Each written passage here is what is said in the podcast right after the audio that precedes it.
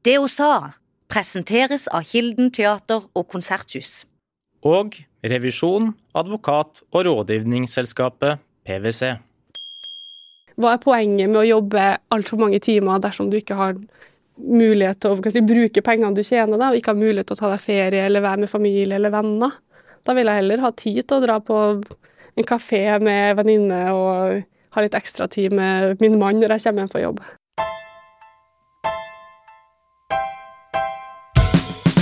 Maiken Gressli McNeil og Lotte Blom van der Male er drivkreftene bak U40. Et nettverk som skal sørge for at unge i næringslivet på Sørlandet får en møteplass. Lotte er utdanna ved Universitetet i Aalborg, der hun kommer fra. Hun jobber som salgs- og markedskonsulent i Næringsforeninga. Maiken er siviløkonom, trønder og går i disse dager fra en jobb i kommunikasjonsavdelinga på UiA til stillinga som markedssjef i SmartOrg. Maiken Gressli McNeil, Lotte Blond van der Male. Velkommen, begge to. Tusen takk for det. Takk. Dere med de flotte navnene. Eh, dere er invitert ikke for å snakke om det, men eh, fordi dere representerer noe som heter U40, som er et nettverk for unge arbeidstakere på Sørlandet. Mm, ja. Unge, engasjerte arbeidstakere, har jeg sagt. Ja, og hvorfor er dere engasjert i det temaet? Åh, fordi vi representerer det sjøl, først og fremst, tror jeg. Uh, står liksom midt oppi det. Og så er det jo noe vi ser at det, har vært noen trender som har snudd over tid. Og nå er det liksom uh, Nå er det på makta hos de unge nå, uh, og mange ansatte unge, og Så det tror jeg det er derfor, egentlig, at da hekter vi oss på, og vi undersøker hva som hva de vil ha. Men Lotte, du sa makta er hos de unge nå. Ja. Hva, hva legger du i det? Det jeg legger i det, er at eh, det er jo nesten kamp om hvem som kan ansette flest unge. Eh, de store eh, konsulenthusene i byen eh, på en måte ansetter sinnssykt mange unge, eh, og det er jo nesten trendy å ha noen unge folk i huset. Så er jo det en balansegang også, for det. man må ikke glemme de med erfaring og de med tyngde i arbeidslivet. Men, men jeg, ser, jeg, ser, i hvert fall det at det er mange som ansetter unge nå. Så, og da kan man jo bruke det til sin fordel. Maiken, står så at du hadde noe på tunga der, du ville si? Ja, altså um, Nå har vi jo laga et nettverk for uh, unge engasjerte arbeidstakere. Og grunnen til at vi møter så god respons, det tror jeg er fordi at alle føler at det her har mangla. Så det har vært masse nettverk i, i næringslivet for eh, erfarne, kan si det. De som er litt, litt eldre og gjerne går i dress. Eh, og så har vi som er under 40, da, vi har, vi har mangla noe. Og eh, nå, vi, nå, møtes vi på U40 eller andre nettverk og, og blir kjent med hverandre og er interessert i det andre holder på med. Men hvis jeg da var under 40, ja. hvilket jeg jo ikke er, men hvis jeg hadde kommet inn på en av deres nettverkstreff, på hvilken måte ville jeg ha følt at dette var annerledes enn de nettverkene som jeg kanskje går i? Eh, det første er nok at det ikke er etablert. Altså det, det er ikke en etablert, eh, etablert, gjeng som du må hva skal jeg si, infiltrere. Mange har ikke vokst opp i byen, eh, så man er liksom mye mer utatsøkende. Og, um, og så er det jo en lett stemning. Det er ikke sånn at vi liksom skal prestere på um, på business, liksom. Vi, vi, er jo bare der for å bli kjent, først og fremst, og så er det ringvirkningene av det som er, også kan være interessant. Så lettbeint tone og um, Og så er det en del sørlendinger også som ja, har lyst til å møte andre, eller er hjem, hjemflytta sørlending og har kanskje si, mista nettverket sitt, da, og mm. nå er litt på utkikk etter noen nye man kan henge med. Men begge dere er jo tilflyttere, ja. som du sa. Lotte, du kommer faktisk fra Danmark, og det er ikke lett å høre. det er hyggelig du sier. Ja, Du skrev til meg i meldinga at du rett og slett har lært deg sørlandsk. Ja. Åssen gjorde du det? Det der er et veldig godt spørsmål. Um, jeg ble rekruttert inn i jobben på norsk Nei, på dansk, unnskyld. Og, eh, og tenkte liksom at det, det, var sånn det skulle være, og de andre likte det jo kjempegodt. Um, at det liksom var dansk og, og så videre. Og så tenkte jeg da jeg fikk jobben at eh, det kan også skape noen utfordringer. For det var jo en jobb hvor det var, premissen er jo at jeg skulle gå inn og bygge nettverk og bruke nettverket mitt. Eh, selge og markedsføre mot eh, næringslivet her i Kristiansand. Eh, sakte, men sikkert så eh, jeg har jo en bakgrunn innen språk, og da begynte jeg å leke litt hjemme. Eh, ta opp noen videoer og øve meg litt sånn i skolen. Og så fikk samboeren da tak på det. Så da hørte han jo at det gikk overraskende bra. Syntes at han liksom heia på meg. Eh, og så fikk jeg da motet til å liksom prøve i arbeidslivet. Og jeg tror det, det dreier seg om kanskje to uker eh, der jeg har snakka dansk, og så la jeg om til norsk. For jeg tenkte sånn at eh, de jeg har hørt som snakker en sånn halvveisløsning, dansk-norsk, det, det, var ikke noe jeg hadde lyst til å hekte meg på. Så jeg ville gjøre det eh, liksom all, all in, liksom. Det er ikke lett å høre nå, iallfall, at du Nei, det er jeg veldig glad for å høre. fra Norge. I begynnelsen så fikk jeg kommentarer på at det var liksom Lyngdal. Å ja, er du fra Lyngdal, liksom? Så sakte, men sikkert så fikk jeg gjort det mer kristiansandsk, tror jeg. Jeg jobber jo som journalist, og gjennom mine år i, i FVN så har jeg alltid vært litt opptatt av hvordan vi bruker det der med alder. Ja. Ikke sant? Og jeg har vært litt fascinert over at vi noen ganger skriver alderen i situasjoner hvor jeg tenker det er helt irrelevant. Åh, det støtter Ikke sant? Hvor vi setter i parentes så skriver vi alderen på lederen av et veiprosjekt, f.eks. Så tenker jeg det er jo helt Hvorfor, hvorfor skal vi vite det? Ja. Um, så jeg prøver å være litt sånn nøye med hvor jeg bruker alder. Altså hvor, hvor er det et poeng? Uh, og du skrev til meg, Lotte, at du egentlig vil bli kvitt det der fokuset på, på alder. Du syns ikke det er så viktig? Mm. Ja, det syns jeg. Eh, alder er jo For meg så er det egentlig ganske likegyldig. Jeg, eh, jeg har tenkt litt på det, og jeg syns at det, det er som du sier, man må være bevisst om når man bruker det. Eh, spesielt så har jeg opplevd, da jeg søkte jobber før jeg fikk jobben i Næringsforeninga, at eh, jeg skrev konsekvent aldri alderen min i jobbsøknaden. Eller i CV-en. Eh, da så når jeg da kom til intervju, så var det liksom Ja, hvor gammel er du, og hva gjør du, og liksom så sånn, det er jo egentlig egentlig ganske likegyldig, for det, hvis du er god nok, så er du gammel nok. Men når skal man slutte å spørre om alder? Hvor gammel er man når man ikke lenger skal si det? For man spør jo barn om det, ikke sant? Ja. Da er det jo veldig Ja. viktig. Men når slutter alder å være viktig, da? Nei, altså når du får din første jobb, og i den fasen der, rundt liksom etableringa, eh, da må man liksom akseptere at du har en utdannelse, nå er du på vei videre, og neste steg i livet er jo foran deg. Og da tenker jeg at eh, da er vi ferdig med å spørre om alder, egentlig.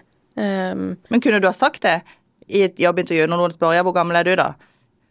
jeg kunne godt ha sagt eh, hvorfor er det relevant? Hvorfor trenger du vite det? Maiken, har du vært i situasjoner der du har opplevd at det med alder har vært noe negativt? Nei, um, ja, eller fått en sånn antydning. Um, da jeg var nyutdanna og jobba på Universitetet i Agder, så da, da var jo jeg 23-24 kanskje, og var da i møte som ansatt på, på universitetet med liksom noen, noen andre eksterne. Og da er spørsmålet liksom Er du student? Og da pleier jeg bare å si da at eh, nei, men takk for komplimentet. Og så blir de veldig usikre, for at jeg ser jo ut som jeg da er student, men eh, nei, jeg er fast ansatt her.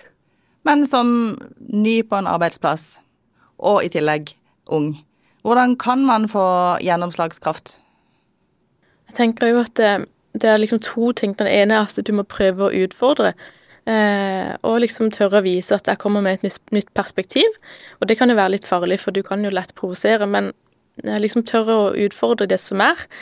Og den andre biten er at eh, du må forberede deg skikkelig, skikkelig godt. Kanskje mer enn eh, de erfarne, for du må undersøke nok. Du må være vel forberedt eh, alltid. Når er det dere har kjent på litt sånn ubehag? Um, det er jo hvis man er ja, helt fersk, Uh, blir invitert på et møte man kanskje ikke er forberedt på, et tema man ikke er blitt introdusert i, og alle de andre vet hva det her handler om, det, det kan være ganske ukomfortabelt.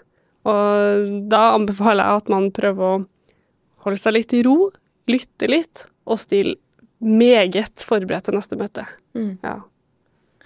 Det som jeg syns kan være ubehagelig, det er hvis jeg blir konfrontert nettopp med disse tingene vi snakker om. At eh, 'Å ja, men det er sånn damer gjør', eller 'Å ja, nei, det, du er litt ung', og 'Å ja, men nei, du har ikke barn', og jeg skjønner det. Eh, så hvis jeg blir bevisstgjort om mine egne svakheter, så kan jeg bli litt usikker og um, se meg sjøl litt i speilet, og da må du liksom oppe det og ha noen gode svar. Uh, men av og til så kan man jo bli fanget litt på ett bein. Um, Men det er i de situasjoner jeg blir litt sånn Kanskje jeg er litt provosert, fordi at eh, jeg syns at det er en ikke-ting å snakke om Man kan heller snakke fag. Uh, og så er det sånn at ja, du har den formen du har med den alderen du har, den hjemmesituasjonen du har, men det har ingenting å si i forhold til hvor Altså, det påvirker hvordan du presterer på jobb, men det har egentlig ingenting å si.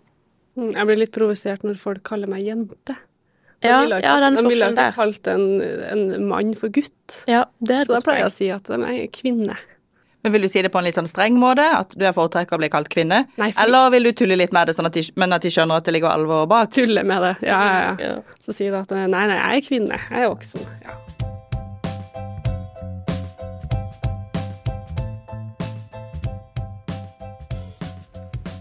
Du, Hva er det som kjennetegner de nye generasjonene med arbeidstakere? Hvis jeg kan løfte frem noen trekk som gjør at de skiller seg ut, det, det som gjør at de er annerledes.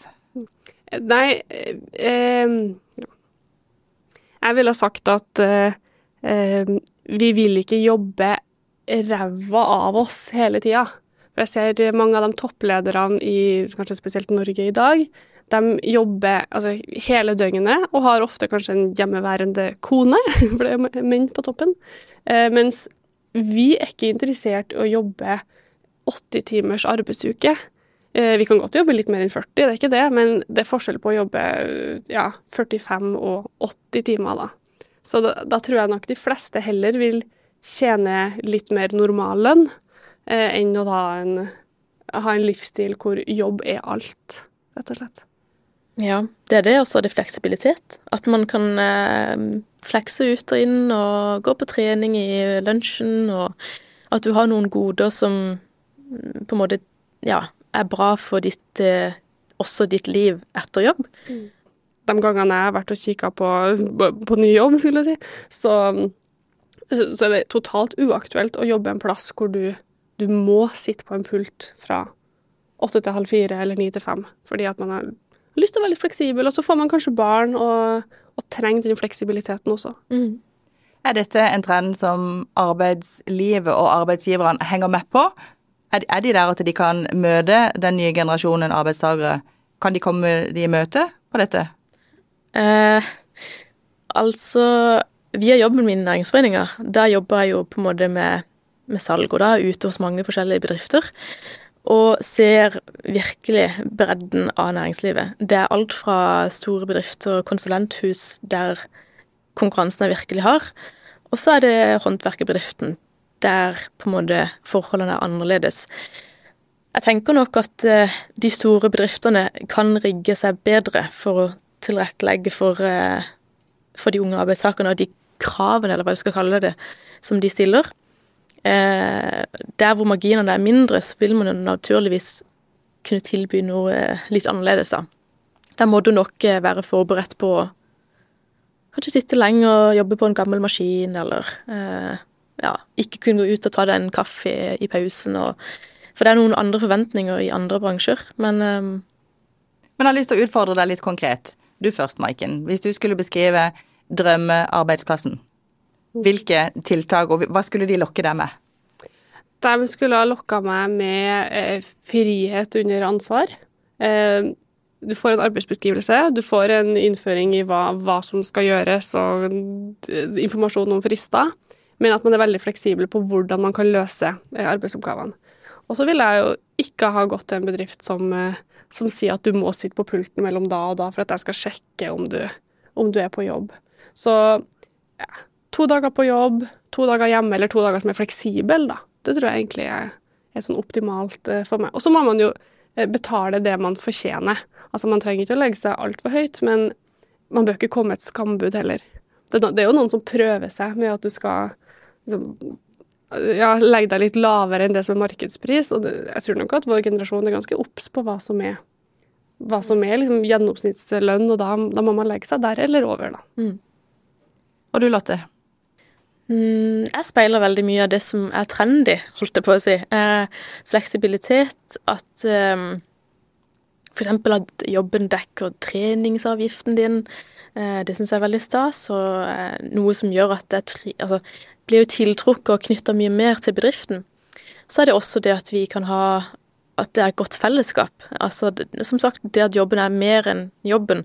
At man kan være sosial med hverandre og gå ut og ta en øl etter jobb, og at tonen er uformell. Og selvfølgelig at det er rom for uh, utvikling. At man uh, ja, kan uh, se litt mot hva er neste steg, og hvis du har lyst til å ta større, en større bit liksom av Nå kan du liksom gønne på, så kan du det. Og at det er gode på en måte, ordninger for eh, ferie, pensjon, kjempeviktig. Og ja, bars, altså permisjon heter det på, på norsk, ja. Ikke barsel. Hvis jeg sier begrepet 'quiet quitting', hva sier dere da? Til dels enig i det som eh, blir sagt om quiet quitting, altså at man skal levere det som er nødvendig, punktum, og så skal man ikke gjøre noe mer. Um, man må passe seg litt, tenker jeg. Altså, jeg, jeg, tror ikke det er bra at vi har eh, mange arbeidstakere som ikke vil gi det lille ekstra, men det er klart at skal man gi mye ekstra og uh, være litt mer effektiv på jobb, så bør man jo ha betalt for det eller mulighet til å ta ut avspasering. Men uh, hvis man ser på quiet quitting som den trenden at alle skal ta på seg ekstraoppgaver og sitte på kveldstid uten å bli kompensert for det, ikke få noe, noe ekstra, så, så, forstår jeg at det, at det er noe man må si imot, da. Men du sa at du ville ikke jobbe ræva av det. Du brukte det uttrykket. Eller de nye arbeidstakerne vil ikke det. Hva, hva, legger du i det? Det er da sånn åtte timers arbeidsuke. Jeg, jeg, tror ikke, jeg, tror ikke, mange av oss uh, unge engasjerte er opptatt av at vi ikke kan være over 40 timer. Altså sånn, mange av oss vil nok legge det som trengs, men du trenger ikke å vie hele livet ditt til, til jobben. For det handler om at man verdsetter fritid? Ja. Man har, det er jo ikke noe Hva er poenget med å jobbe altfor mange timer dersom du ikke har mulighet til å si, bruke pengene du tjener, da, og ikke har mulighet til å ta deg ferie eller være med familie eller venner?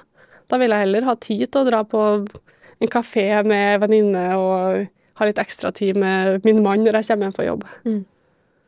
Ja, jeg tenker at det, den trenden støtter jeg veldig. Da det ordet kom frem, så var jeg sånn Oi, det, det, har vi trengt et ord for. Men, men, forklar for de som ikke vet hva det er ja. i det hele tatt. Quiet forklar quit, quiet quitting. Quiet quitting er at du, du jobber din stillingsbeskrivelse 100% og ikke mer. Eh, at du på en måte ikke gjør alle mulige ekstraoppgaver som du egentlig ikke har bedt om, men fordi du er forventa av det.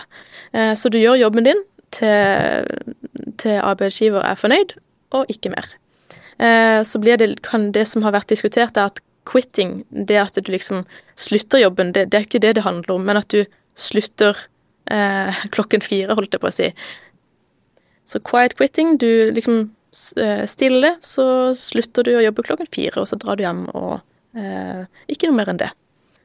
Det har jo skjedd litt i arbeidslivet nå, og jeg tror at vi har trengt egentlig en sånn at vi stopper opp og ser oss litt i speilet. Er dette egentlig Vil vi fortsette å jobbe sånn at alle blir stressa og, og, får angst, og liksom prestasjonskulturen bare herjer og banker det ut, da. Så, så, jeg støtter quiet quitting veldig mye, og så tror jeg at eh, noen arbeidsgivere er nok ikke helt klar til å favne det, fordi at eh, Ja, at man kanskje tenker å ja, så du, du, slutter der, ja. Ok, men da må vi finne en annen arbeidstaker, liksom. Eh, så jeg tror nok at det, det må modne seg over tid.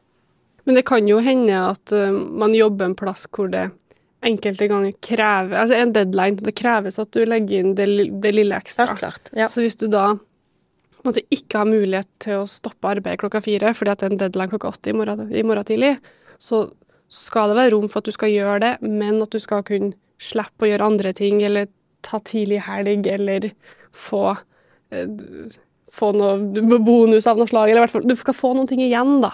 Og at ikke det er forventa at du skal levere klokka åtte neste morgen uansett, uten å få noe som helst. Men på en tradisjonell arbeidsplass, vil de skjønne noe i det hele tatt hvis man kommer der som om ung arbeidstaker eller nyansatt og begynner å snakke om quiet quitting? Jeg tror, nei, jeg tror heller ikke det. Eh, så det, det, det, må gå seg til over tid, dette her, og det må spres til flere arbeidsgivere. Eh, det er klart de som holder seg til ilden, og de som er opptatt av at eh, hva skjer i verden, og hva skjer med arbeidsliv og karriere, de har jo lest seg opp på dette her, og vet at nå skjer det noen endringer vi må hekte oss på. Men litt sånn Kanskje en kommentar som noen vil ikke tolke så veldig bra, men jeg vil jo egentlig oppfordre dem som er helt nyutdanna eller har en engasjementsstilling eller har en deltidsjobb ved siden av studiene, til å levere egentlig litt mer enn du er betalt. Fordi da, da får man seg en boost en måte til, til neste arbeidssted og får kanskje en ekstra god attest eller en, noen bedre muligheter seinere. Så vet jeg at det skal jo egentlig ikke være sånn, men det funker, da. Ja. Hvis, du, hvis, du, jobber en 20 %-stilling, og så yter 25% eller 30% så, så blir det lagt merke til.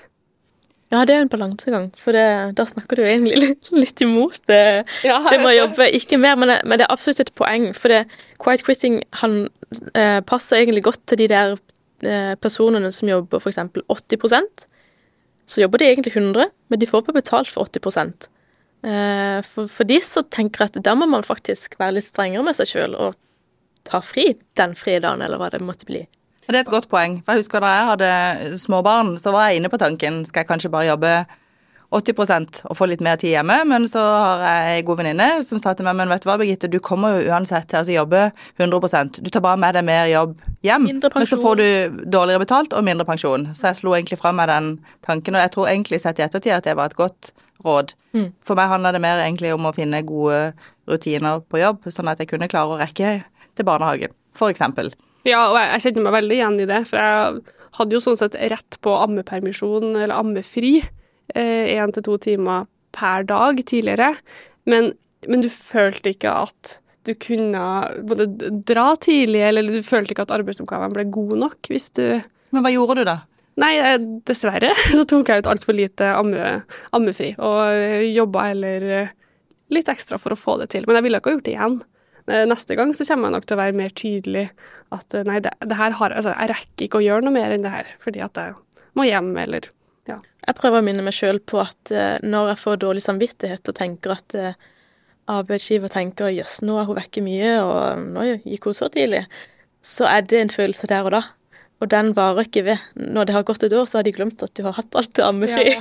Så um, det, det, er godt å høre nå når jeg har syke barn og, ja, og må hente, hente i barnehagen. Mm. Det er ikke så lett alltid. Man kan bestemme seg for én ting, og så når du sitter der, så kan du jo kjenne på både presset fra jobb og presset hjemmefra. Så er det sånn at noen må jo gå foran og vise mm. at det er OK. At det, det er godt nok, det jeg har gjort. Ja. Og nå går jeg. Ja. Jeg skulle ha hatt noen som deg tidligere. Ja.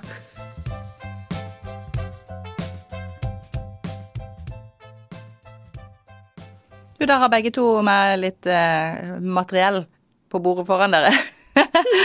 da har noen ark dere har skrevet ut, dere har revet ut noe av et blad, ser jeg. Eh, er det noe dere har notert her som dere tenker at dette må jeg få sagt? Jeg har noen, jeg har noen tips til hvordan man kan bygge nettverk. Ja, hva med de. Det første tipset er jo å være fullstendig frimodig og bare kaste seg uti. Um, de du syns er kule, spør de om en kaffe. Uh, bygg nettverk. Og det kan være mye enklere å bygge nettverk på den måten når du er på tomannshånd uh, over en kaffe. Liksom bare Jeg gjorde det nylig også med uh, liksom, Å ja, kul dame. Anne Marie Vinsnes jobber med salg og marked i Polaris Media. Hun har jeg lyst til å treffe. Så jeg skrev en melding, og så jo da, hun var jo klar på den. Og det syns jeg er mye Det er mye en lavere terskel for å bli kjent, og så kan du på en måte Så treffer du disse folk i etterkant også, og da er det mye enklere å gå hen og si hei og takk for sist, og um, med en gang så føler du det mye mer hjemme. Mm. Så det er det første tipset. Og så engasjere seg i nærmiljøet.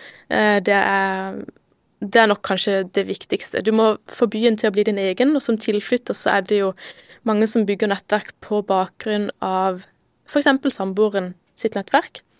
Eh, og det kan være vel og bra, det, men du må få din egen tilknytning til byen. Eh, personlig så har jeg engasjert meg i et sånn a cappella-gruppe hvor vi synger masse kule sanger. Eh, og det er med på at å gjøre at du treffer noen folk. Det er dine egne folk, du er bare du som kjenner dem. Um, og byen føles mer hjemme. Så um, Jeg er enig, og du må, du må prøve å finne ut, uh, finne ut av hva som finnes i byen du bor i som eh, eh Hvor du kan møte folk som er interessert i det samme som du er interessert i. Og så ser man ofte på eh, masse arrangementer som arrangeres, at det skal være mingling. Det står at det er litt nettverksbygging og mingling. Men så gjør ikke arrangørene noe for å egentlig legge til rette for det, annet enn at det er liksom en kaffemaskin der. Fikse det sjøl. Ja, det er litt sånn. Og hvis du da kommer og er litt usikker og ikke kjenner så mange, så kan det være kjempeskummelt. Så for eksempel så var jeg på et Women in Business eh, julebord for noen år tilbake, og trodde at jeg kom til å møte veldig mange av dem jeg kjente fra før. Og så fikk jeg deltakerlista dagen før og så at jeg kjenner ingen. Og jeg vurderte om jeg ikke skulle dra, for det er liksom altså ekkelt. Så kjenner de andre hverandre, og så kommer jeg og er outsider. Men det, det første som skjedde når jeg kom inn døra, var at de ga meg et lodd. De sa hei, velkommen, og så ga de meg et lodd, og den sa hvor jeg skulle sitte. Og da, da, var det på en måte bestemt. Jeg skal sitte med den gjengen her, og ble jo godt kjent med, med dem, da. Så det har vi jo gjort eh, videre også. Vi, når vi har U40-arrangement, så blir man ofte liksom plassert. Mm. Dere skal nå snakke sammen om det, dette her temaet. Ja. Og da litt sånn da blir det litt sånn tvingt eh, mingling, men det funker, da. Mm. Man trenger liksom å gi dem et, et dytt, for det kan være det kan være veldig skummelt å bare skal komme inn ukjent på et arrangement og liksom gå og finne noen. Ja. ja, ja, ja. Det er jo vi hadde et arrangement som het Mingle pingle, hvor vi liksom tok for oss eh, hva er det egentlig som er så vanskelig med å mingle. Og psykologen sa jo at det, det du er aller mest redd for, det er å bli avvist. Um, så det er det som ligger til bunn for hvorfor mange syns at det er skummelt. De er redde for å ja, ikke bli likt, eller det er ingen som vil snakke med meg, eller ja, å nei, jeg er annerledes. Um, så um, Men alle syns det er skummelt, og i det sekundet du begynner å prate med noen, så er det mye enklere. Så det er bare å komme seg av gårde. Men de gangene hvor det ikke har funka så godt det, det, er jo ikke alle som er interessert i å, å mingle. Mm. Eh, hva sier dere da? Jeg har ikke opplevd at det ikke er så mange som ikke liker å mingle. De er Men det kan være at det, en, det kan bli en mismatch mellom den du ender opp med å snakke med.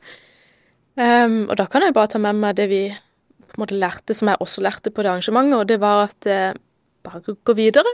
Du, mm. jeg skal på do, eller eh, du, eh, jeg, nå fikk jeg en telefon, eller du, jeg må bare snakke med hun herre som står her. Eh, det er som sagt det er ingen som husker det etterpå, at du eh, gikk vekk fordi du måtte noe annet. Så hvis man har bruk for å komme seg vekk fra, for noen som kanskje ikke helt var en match faglig, eller eh, at, som en person som kanskje ville selge deg altfor for pushy, så kan du kan du enkelt komme videre med noen smarte grep. Dere har lyst til å spole tilbake til et tema til, før vi går på fast, faste poster. Eh, og det handler gjerne om kanskje generasjonskløfter, da, hvis jeg kan si det, mellom den unge generasjonen arbeidstakere som har noen sånn klare forventninger til arbeidsgiver, eh, og så er det et etablert næringsliv med bedrifter som kanskje ikke har hatt, tatt helt inn over seg det nye, eller som ikke har muligheten til det. Eh, er det et gap der mellom det de unge forventer, og det de skal vi si, eldre eller mer etablerte kan tilby? Sånn personlig, det jeg opplever, er kanskje det at eh, når vi snakker om generasjonskløften, så det som preger den mest, er vel kanskje det at man er litt misunnelig på Jøss, så bra de unge har det nå. Sånn hadde vi ikke den gangen jeg var ung. Eh, vi jobba hardt, og vi måtte jobbe 60 timer i uka. Det er egentlig det det jeg møter mest, da. At det er noen som er uh, ja, litt misunnelige på så greit vi skal ha det. Men kan de ha noen poenger der, eller er de bare gammeldagse? Det er jo et situasjonsspørsmål, for klart er du gründer, så må du jobbe Da må du jobbe mye. Um, men har du en helt vanlig A4-jobb med, med, vanlig arbeidstid fra åtte til fire, så, så, tenker jeg da må det være lov å bare nyte livet. Vi lever bare én gang. Så um, hvorfor ikke ha det bra på jobb og på fritida? Og med det tenker jeg at vi går over på en fast post, som er å fremsnakke. Og jeg har lyst til å spørre deg først, Maiken, hvem vil du fremsnakke? Jo, det er to damer som da har inspirert meg. Nå er det økonomisk usikkerhet, jeg har fått et barn. Da er det veldig fint å ha en trygg, fast, fin jobb i det offentlige. Men, eh, men så har jeg sett da, eh, og blitt inspirert av Maria Steinstø og Nertilla Stringa. Maria er råtøff, hun bare sa opp jobben for å bli gründer. Ingen sikre inntekter, men selvfølgelig en bufferkonto som man kan leve av. Og så har du Nertilla, da, som plutselig fikk lyst på nye impulser etter mange år som min kollega, og tok da ett års permisjon fra Sørlandet for å jobbe med likestilling i Nord-Norge. Og har det ikke vært for at man har sånne forbilder som tørs å tørs å følge magefølelsen sin og, og go for it, så tror ikke jeg heller har tørsa å sagt opp min trygge, fine, faste jobb og skal begynne et oppstartsselskap. Og du kan få lov å si navnene til de to en gang til. Eh, Nartilla Stringa og Maria Steinstø. Lotte, hvem vil du fremsnakke? Jeg, har, jeg kan trekke frem en eh, skikkelig lundskråke. Eh, Maja Marum. Hun jobber hos Henning Olsen i Snå med social media, kan vi si. Eh, og har sagt opp jobben sin for å begynne for seg sjøl. Maja er jo en skikkelig kul dame, og jeg, hver gang jeg er sammen med henne, så tenker jeg jeg skulle vært som det. Liksom, du er så kul og står så godt i sitt eget fundament. Og så har hun sånn der eh, Hun leser mennesker skikkelig sånn supertransparent. Du er en åpen bok foran Maja, og hun kan på en måte bruke det aktivt i, sin, eh, ja, i sitt arbeid. eh, For der er det jo på en måte å kommunisere ut til mennesker. Så jeg ser veldig opp til Maja, og også det at hun nå tør å gå, f- altså står for seg sjøl og jobber for seg sjøl og etablerer sitt eget brand. Jeg kan også trek, trekke frem um, Tine Abrahamsen fra Hun jobber i Business Region Kristiansand. Hun har faktisk vært veldig styrende for hvor jeg havna. For det, da jeg skulle til, søke jobber både i Ålborg og i Kristiansand, så tenkte jeg sånn OK, hva gjør jeg? Jeg går inn på LinkedIn, og så søker jeg på Kristiansand. Og så, liksom, så finner jeg sikkert noen folk som jobber der, som jeg kan på en måte snakke med. Og så dukka jo opp eh, Tina jeg søker der, og tenkte yes, jeg sender en melding, hører om hun liksom er klar for en kaffe. Um, og så var hun jo heldigvis med på leken, da. Og liksom, hun var jo en perfekt ambassadør for meg, og liksom kunne gi meg en innføring i Sørlandet. Hva er det du bør sjekke ut? Og gjorde meg oppmerksom på Trainee Sør. Og, ehm, og så har jeg jo truffet, sitter nå og jobber sammen med henne faktisk i U40, og utrolig Hun viste meg at her er det fremoverlente, uh, vitende folk som har lyst til å treffes, og uh, vi tar imot tilflyttere, på en måte. Så hun har vært veldig formgivende. for Og det du beskriver nå, er jo egentlig en oppskrift på hvordan man kan få seg jobb. Ja. Hvis man kommer flyttende til Sørlandet, eller hvis man vil til Sørlandet. Ja, det er kjempeviktig. Eh, ja, så du tok rett og slett eh, og fant et navn på noen i den byen du hadde lyst til å bo i, og tok kontakt. Og det ga resultater. Mm.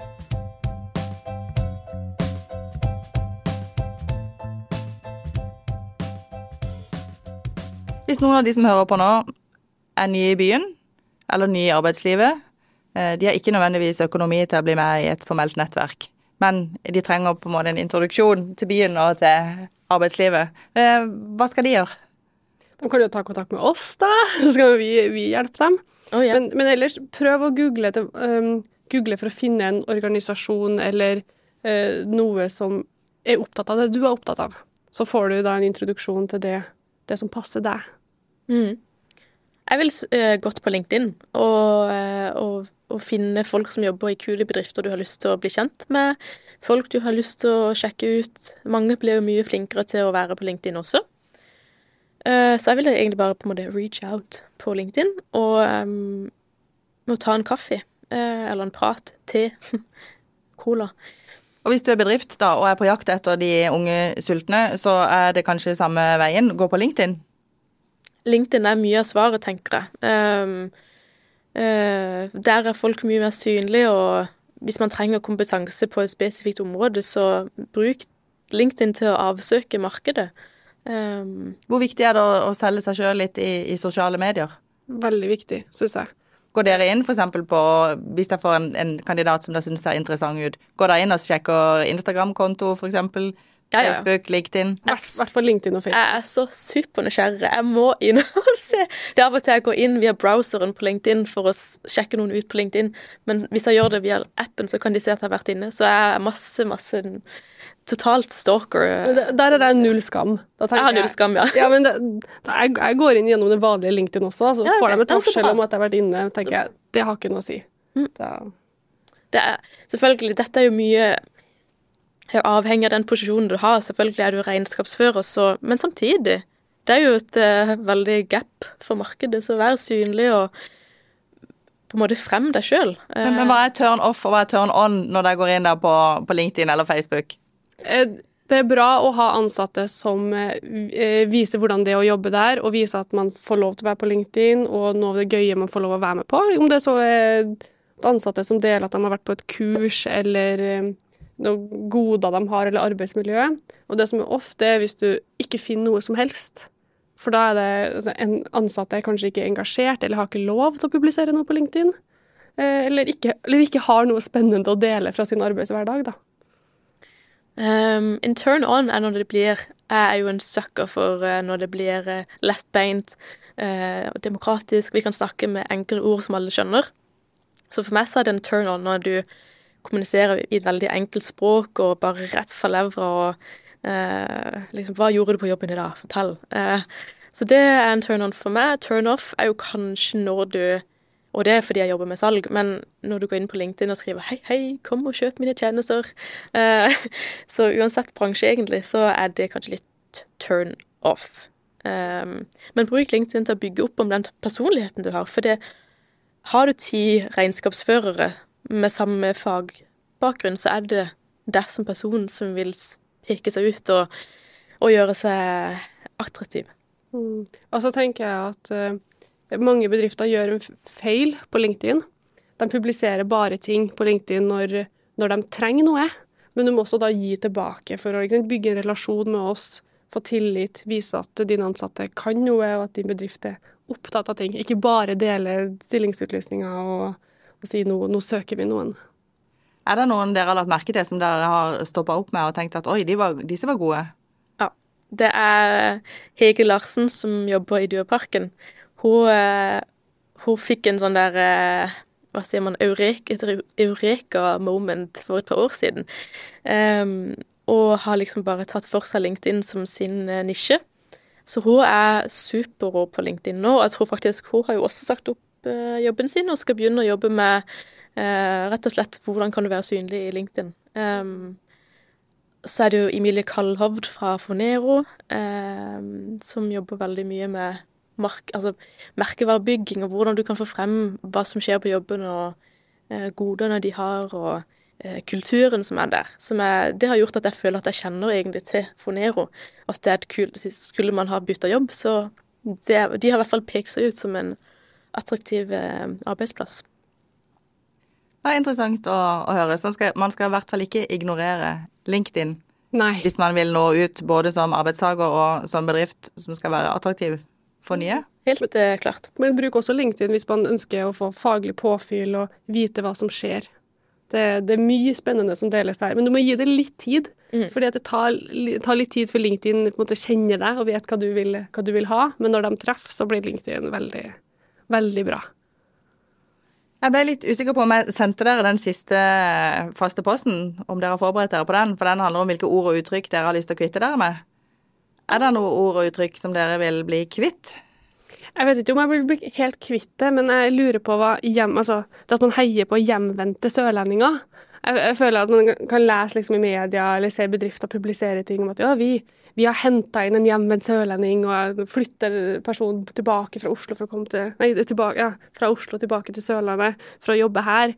Og så må vi passe på da at, at vi ikke eh, da bare heier på at Eh, sørlendinger skal flytte ut etter studiene, eller skal flytte ut etter videregående for å få erfaring, for det må man ha på Østlandet, og så skal de komme tilbake. Det finnes veldig mange stjerner som alltid har bodd på Sørlandet, eller som ble igjen etter studiene. Så man må heie på dem også, ikke bare liksom hjemvendt sørlending som drømmen, da så er det vel bra å hente noen til Sørlandet som ikke kommer fra Sørlandet også? Ja, det vil jeg si. Du er et eksempel på. Ja, ja, ja. Mm. Og du òg? Ja. Dansken og trønderen. Ja. ja, vi kunne starte podkast. Ja. Har du noe eh, Lotte som du vil kvitte deg med? Den mailen fikk ikke jeg, ikke, så jeg sitter og gnager her. Hva skal jeg Men uh, jeg har tenkt på, det er ikke et ord, men jeg har tenkt på om vi kanskje skulle kvitte oss med å eh, At rekrutterende kvitter seg med å spørre om alder i en jobb Eh, en rekrutteringsprosess. Um, F.eks. når man søker jobb, trenger man egentlig å oppgi alder. Um, kanskje vi kan kvitte oss med det? Og med det så sier jeg tusen takk for at dere ville komme til det hun sa. Maiken Gressli McNeil, Lotte Blom van der Male. Tusen takk, begge to. Takk fordi vi kunne komme. Takk for at vi fikk komme. Ja. Du har hørt på Det hun sa av Federlandsvennen. Følg oss på Instagram og meld deg inn i Facebook-gruppen vår. Der kan du foreslå en gjest du har lyst til å høre i neste episode.